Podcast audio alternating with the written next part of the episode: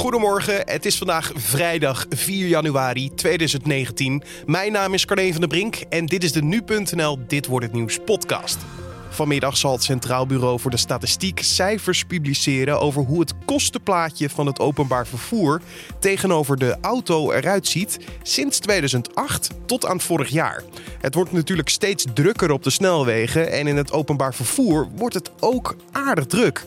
Maar wat is de oplossing voor deze drukte? Misschien moeten we het idee kopiëren van onze buren in Luxemburg? Gratis openbaar vervoer? Nee, dat zou ik een hele slechte oplossing vinden, want openbaar zit gewoon vol. Dus we moeten uh, in plaats van in goedkoper openbaar vervoer, moeten we juist investeren in extra kwaliteit en extra capaciteit. En dit weekend begint het negentiende seizoen van Wie is de Mol weer op NPO 1. Iedere fan van het programma vraagt zich natuurlijk altijd twee dingen af. Natuurlijk, wie is de mol? En hoe is het om een mol te zijn? Ik kan je natuurlijk niet vertellen wie de mol is, maar we gaan straks wel praten over hoe het is om een mol te zijn. Maar eerst het belangrijkste nieuws van nu. Voor het kantoor van de rechtspopulistische politieke partij Alternatieven voor Duitsland in de Duitse stad Dublin in de bondstaat Sachsen heeft donderdagavond een zware explosie plaatsgevonden. Volgens de politie is een onbekende substantie ontploft. Er zijn geen gewonden gemeld. Aan het pand en aan de ernaast gelegen gebouwen zijn ramen en deuren beschadigd. Ook meerdere auto's zijn beschadigd geraakt. De aanleiding van de explosie is nog niet duidelijk. De politie houdt rekening met een politiek gemotiveerd misdrijf.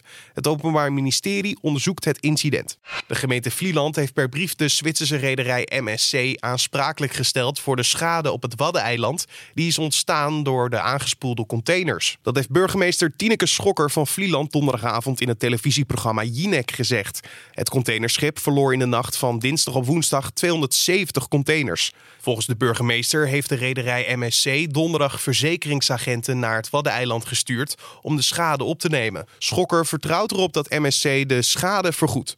Bij een groot ongeluk op de autosnelweg Interstate 75 in de Amerikaanse staat Florida zijn minstens zes mensen om het leven gekomen en acht mensen zwaar gewond geraakt. Bij het ongeluk waren twee opleggers, een personenauto en een personenbusje betrokken. Bijna 900.000 Nederlanders van 12 jaar en ouder hebben in 2018 nooit internet gebruikt.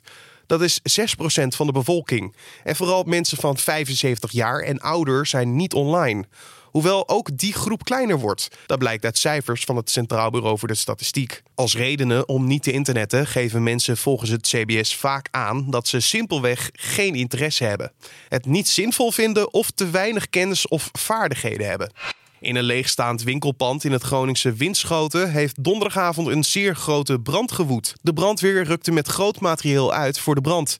Het vuur werd kort na half tien opgemerkt, waarna de brandweer direct flink opschaalde. Rond half één werd het zijn brandmeester gegeven en het nablussen zal nog enkele uren duren, al dus de brandweer. En dan kijken we naar de dag van vandaag, oftewel dit wordt het nieuws. Vanmiddag zal het Centraal Bureau voor de Statistiek cijfers publiceren over hoe het kostenplaatje van het openbaar vervoer tegenover de auto eruit ziet. Dit is een meting van 2008 tot 2018. Het wordt steeds drukker op de snelwegen en in het openbaar vervoer wordt het ook steeds drukker. Maar wat is de oplossing nou voor deze drukte? Dat vroeg ik aan Henk Meurs, hoogleraar mobiliteit aan de Radboud Universiteit Nijmegen. Want hoe kijkt hij naar de huidige verhouding van autogebruikers en het openbaar vervoer? Nou wat je natuurlijk ziet is dat uh, het openbaar vervoer uh, op relaties, uh, vooral naar de grote steden, heel erg belangrijk is heel sterk groeit. En uh, dat daar uh, allerlei knelpunten zijn met capaciteit. Hè, met name rondom uh, stations. en ook bij de auto zie je eigenlijk min of meer hetzelfde. met name richting de Randstad, richting grote steden. Daar zijn grote knelpunten. Dus misschien is het niet zozeer een keuze tussen of de auto of het openbaar vervoer. Maar is er toch vooral sprake van een spitsprobleem. Waarbij mensen zowel in de auto als in het openbaar vervoer in de spitsen dat zeggen, willen reizen. En ja, die modaliteiten daardoor helemaal vol zitten. Er wordt natuurlijk steeds meer opgedragen om mensen met het OV te laten reizen. Om bijvoorbeeld het milieu, de klimaatverandering en de drukte op de snelwegen tegen te gaan. Zou nou het massaal overstappen op het openbaar vervoer de juiste oplossing zijn voor de laatste genoemde punten? Bij het openbaar vervoer zie je eigenlijk dat die spitsperiode heel erg kort is. Eh, op sommige uh, trajecten maar een half uur of nog korter.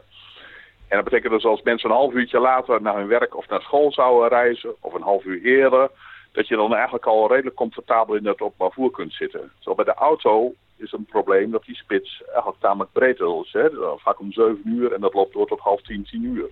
Ja.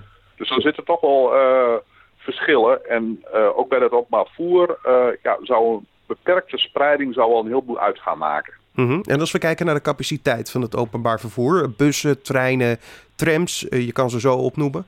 Maar uh, denkt u dat de, ja, de diensten wel klaar zijn voor een grotere toename van gebruikers van het openbaar vervoer? Nee, met name in de, de grote steden, in de Randstad, zie je echt wel knelpunten met de capaciteit. Hè. Daar, daar zit het uh, openbaar vervoer niet alleen vol in die smalle spitsen, maar ook in grotere perioden daarbuiten.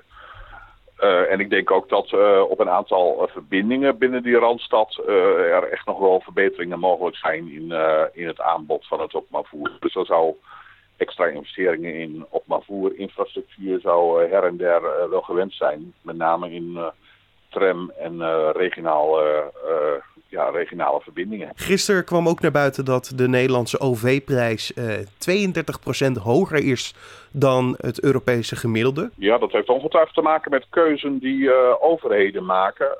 Laat zeggen, in hoeveel subsidies aan het opbouwvoer geven.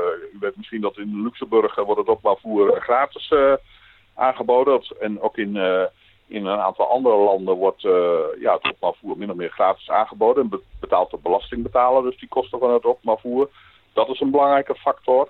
En een tweede belangrijke factor is dat uh, wij uh, in vergelijking met het buitenland heel hoogwaardig openbaar vervoer hebben. De kwaliteit van de treinen en van de bussen en van de stations is erg hoog. En dat kost natuurlijk ook geld.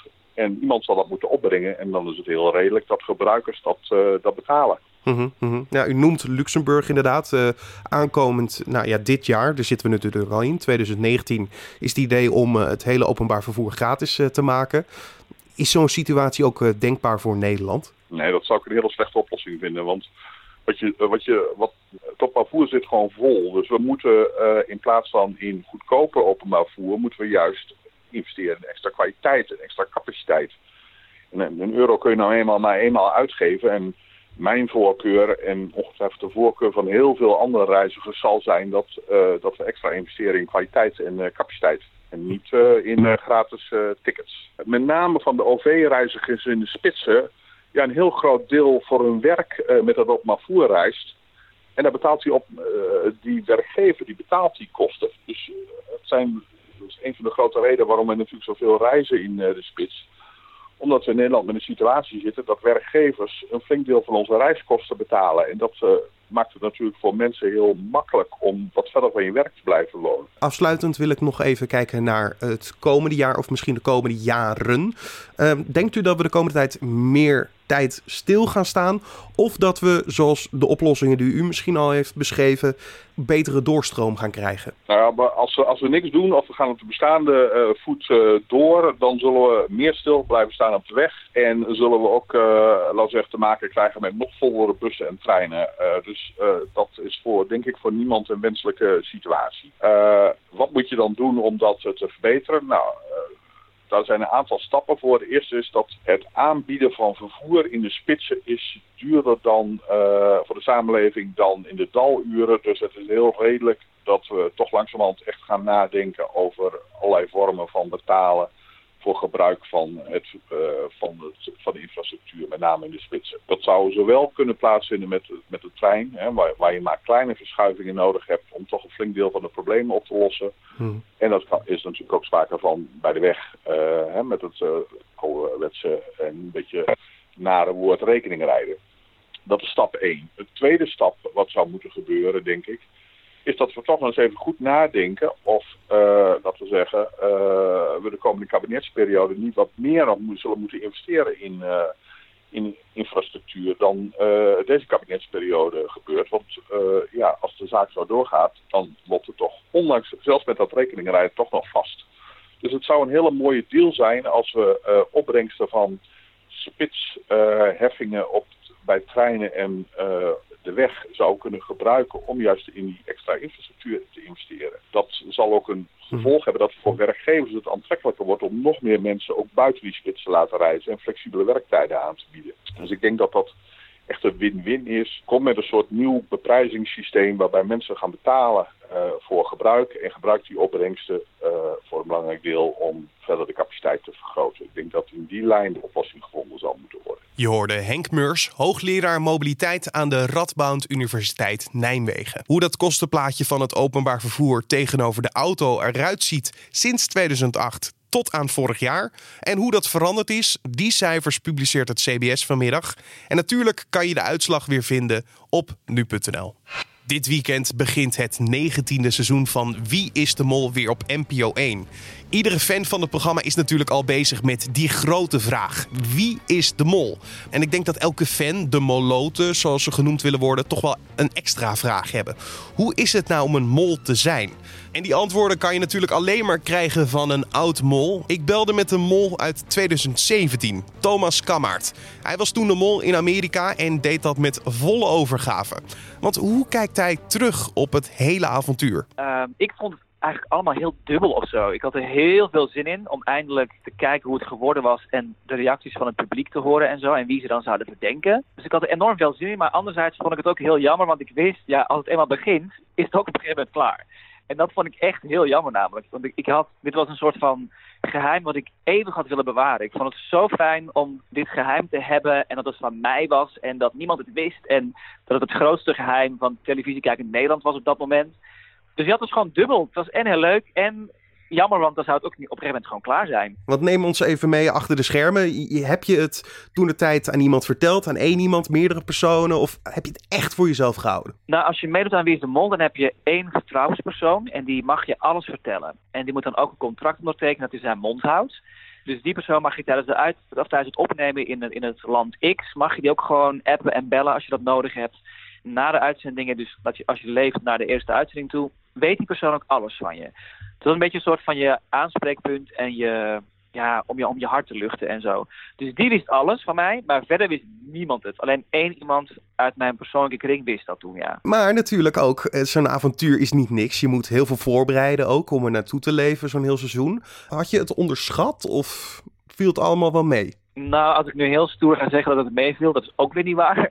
Ja, ik heb het ook niet onderschat of zo. Het, het, begon en je kan je er ook niet echt op voorbereiden. Het enige wat ik wel goed had voorbereid was mijn plan van wat voor mol ik zou zijn. Dus dat had ik van tevoren gewoon goed bedacht en met de productie ook gewoon heel goed over gehad. En we hadden een plan bedacht. En dat is in mijn geval gewoon, dat heeft heel goed uitgepakt. Omdat alleen Sanne het door had op het einde dat ik het was, dus niemand anders. Dus ja, het, het misschien dan toch wel een beetje meeviel, omdat ik vond het gewoon tijdens het uitzenden of tijdens het opnemen, die drie weken lang, vond ik het gewoon heel erg leuk. Mhm. Ik vond het heel leuk om te liegen tegen iedereen. Ik vond het heel leuk om uh, de boel te saboteren. En ik vond het heel leuk om met mijn arme kamergenoot Diederik gewoon te bedenken wie zou een mol dan kunnen zijn. Terwijl ik heel goed wist, ik ben het, maar hij had het jammer genoeg niet door. Of nou, zielig genoeg niet door. Maar wat ik wel een, een, moeilijk punt vond tijdens de opnames, ik vond het heel leuk toen we met ongeveer nog vijf kandidaten overbleven of zo. Mhm. Want dat is gewoon net een lekker aantal voor een mol, want dan heb je nog heel veel kandidaten die je niet bedenk, verdenken en misschien één of twee man wel. Maar toen we nog met z'n drieën waren, dus de echte laatste twee afleveringen, dat ik met Sanne en Jochem overbleef, dat vond ik heel zwaar ineens. Omdat ik toen echt dacht, nou ja, Ja. wie weten ze het? En wat kan ik nog doen? Maar ja, toen wist Jochem het toch niet. En alleen Sanne dus nou ja, dat, dat- als je met, met heel weinig mensen over bent, dan wordt het gewoon een beetje lastig om nog heel erg te gaan mollen of zo. Nee, precies. Dat is gewoon een beetje dan uitzitten. Er wordt ook natuurlijk een mol gemaakt die, denk ik, bij je karakter past. Denk ik zo goed? Of? Nou ja, ze vragen letterlijk aan jou, ehm, als ze aan je vragen, zou je de mol willen zijn? Toen zei ik natuurlijk volmondig ja. En dan vragen ze, nou ja, hoe zou je het dan doen? En dan mag je dan wel zelf zeggen. Dus ik heb toen ook zelf bedacht, ik zie mezelf als zo'n persoon en als zo'n mol. En ik vind die combinatie van mijn persoonlijkheid en mijn mol zijn dan, dat plan, vind ik heel interessant. En dat vonden zij gelukkig ook. En toen hebben ze daarmee over nagedacht van, kan je misschien bij die opdracht dat doen en bij die opdracht dat doen. Ah. Maar mijn intuïtie van wat voor mol ik zou zijn, was wel, kwam wel uit mezelf voort. Ja, dat wel. He- Heb je nog een tip voor die nieuwe mol? Maar hij heeft het, hij of zij, ik weet ook echt niet wie het is namelijk, hij of zij heeft het zwaarste werk al achter de rug. Dat is namelijk gewoon de opnames. Dat is het, dat is het zwaarst. En hij of zij heeft nu de afgelopen maanden ook gewoon lekker kunnen genieten van dat niemand het weet. En dat je, dat je er ook niet over moet hebben. Maar nu begint het wel. Ja, nu gaat het elke week meer en meer leven. En hoe minder kandidaten er overblijven, hoe meer mensen jou gaan verdenken en jou gaan viseren. Dus ja, de tip die ik kan geven is: stick to the plan. Je hebt toen iets bedacht, hou dat vol tot het einde. Zeg gewoon, nou ja, ik ben gewoon die en die kandidaat. Ik ben gewoon soms een beetje onhandig of dat of dat. Ik ben heel enthousiast of ik hou ervan om af en toe een beetje de boel te saboteren. Dus ga gewoon een beetje mee met wat je al hebt bedacht en hou je aan het plan. Dat eigenlijk. En geniet vooral van alles wat over je heen komt. Dat het, het wordt steeds leuker en leuker naarmate de afleveringen vorderen. Het is echt een van de leukste dingen die ik ooit heb meegemaakt. En anders, als je dat niet kan, de komende tien weken gewoon alle boodschappen thuis laten bezorgen en uh, niet meer naar buiten gaan. Gordijnen dicht, televisie aan, Netflix als een malle en gewoon pas in maart weer naar buiten komen. Kan ook een tip zijn, ja. Je hoorde oud-mol van het seizoen 2017, Thomas Kammaert. En vanaf zaterdagavond begint Wie is de Mol weer op NPO 1 om half negen. Honderden militairen reizen vandaag af naar de Waddeneilanden om daar te helpen met het ontruimen van de stranden die bezaaid liggen met spullen. Spullen die uit de containers van een vrachtschip op de Noordzee zijn gevallen. De totale opruimactie duurt twee dagen. Vijf personen die actie voerden tegen het doden van edelherten in de Oostvaardersplassen moeten zich vandaag verantwoorden voor de rechtbank van Lelystad. De twee mannen en drie vrouwen zouden in de nacht van 21 op 22 oktober een verdacht pakket hebben geplaatst voor de deur van het provinciehuis in Lelystad. Het verkeer rondom het provinciehuis was urenlang ontregeld omdat men er rekening mee hield dat het om een bom ging. En dan nog even het weer. Vandaag is het op de meeste plaatsen droog en bewolkt. Het oosten houdt wel kans op een kleine bui. Het wordt vandaag 4 tot 7 graden. En dan nog dit. Een rechter in New York heeft zanger Ed Sheeran's verzoek om een copyrightzaak tegen hem te seponeren afgewezen. De zaak draait om zijn liedje Thinking Out Loud, dat te veel zou lijken op Marvin Gaye's nummer Let's Get It On. De rechter oordeelde donderdag volgens de BBC dat hij substantiële overeenkomsten zag tussen verschillende muzikale elementen van de twee liedjes. En hij het dus nodig vindt dat een jury zich over de zaak buigt. Maar lijken de nummers echt op elkaar? Oordeel zelf maar. Darling, I will be loving you till we're 70. Let's get it on. Dit was dan de Dit wordt het nieuws podcast voor deze vrijdag 4 januari. Je vindt de podcast natuurlijk elke maandag tot en met vrijdag om 6 uur ochtends op de voorpagina van nu.nl en in je favoriete podcast app. Laat ons weten wat je van deze podcast vindt. Dat kan je doen via mailtje naar podcast.nu.nl of een recensie in iTunes. Mijn naam is Carne van der Brink. Voor nu een hele mooie vrijdag, een mooi weekend en tot maandag.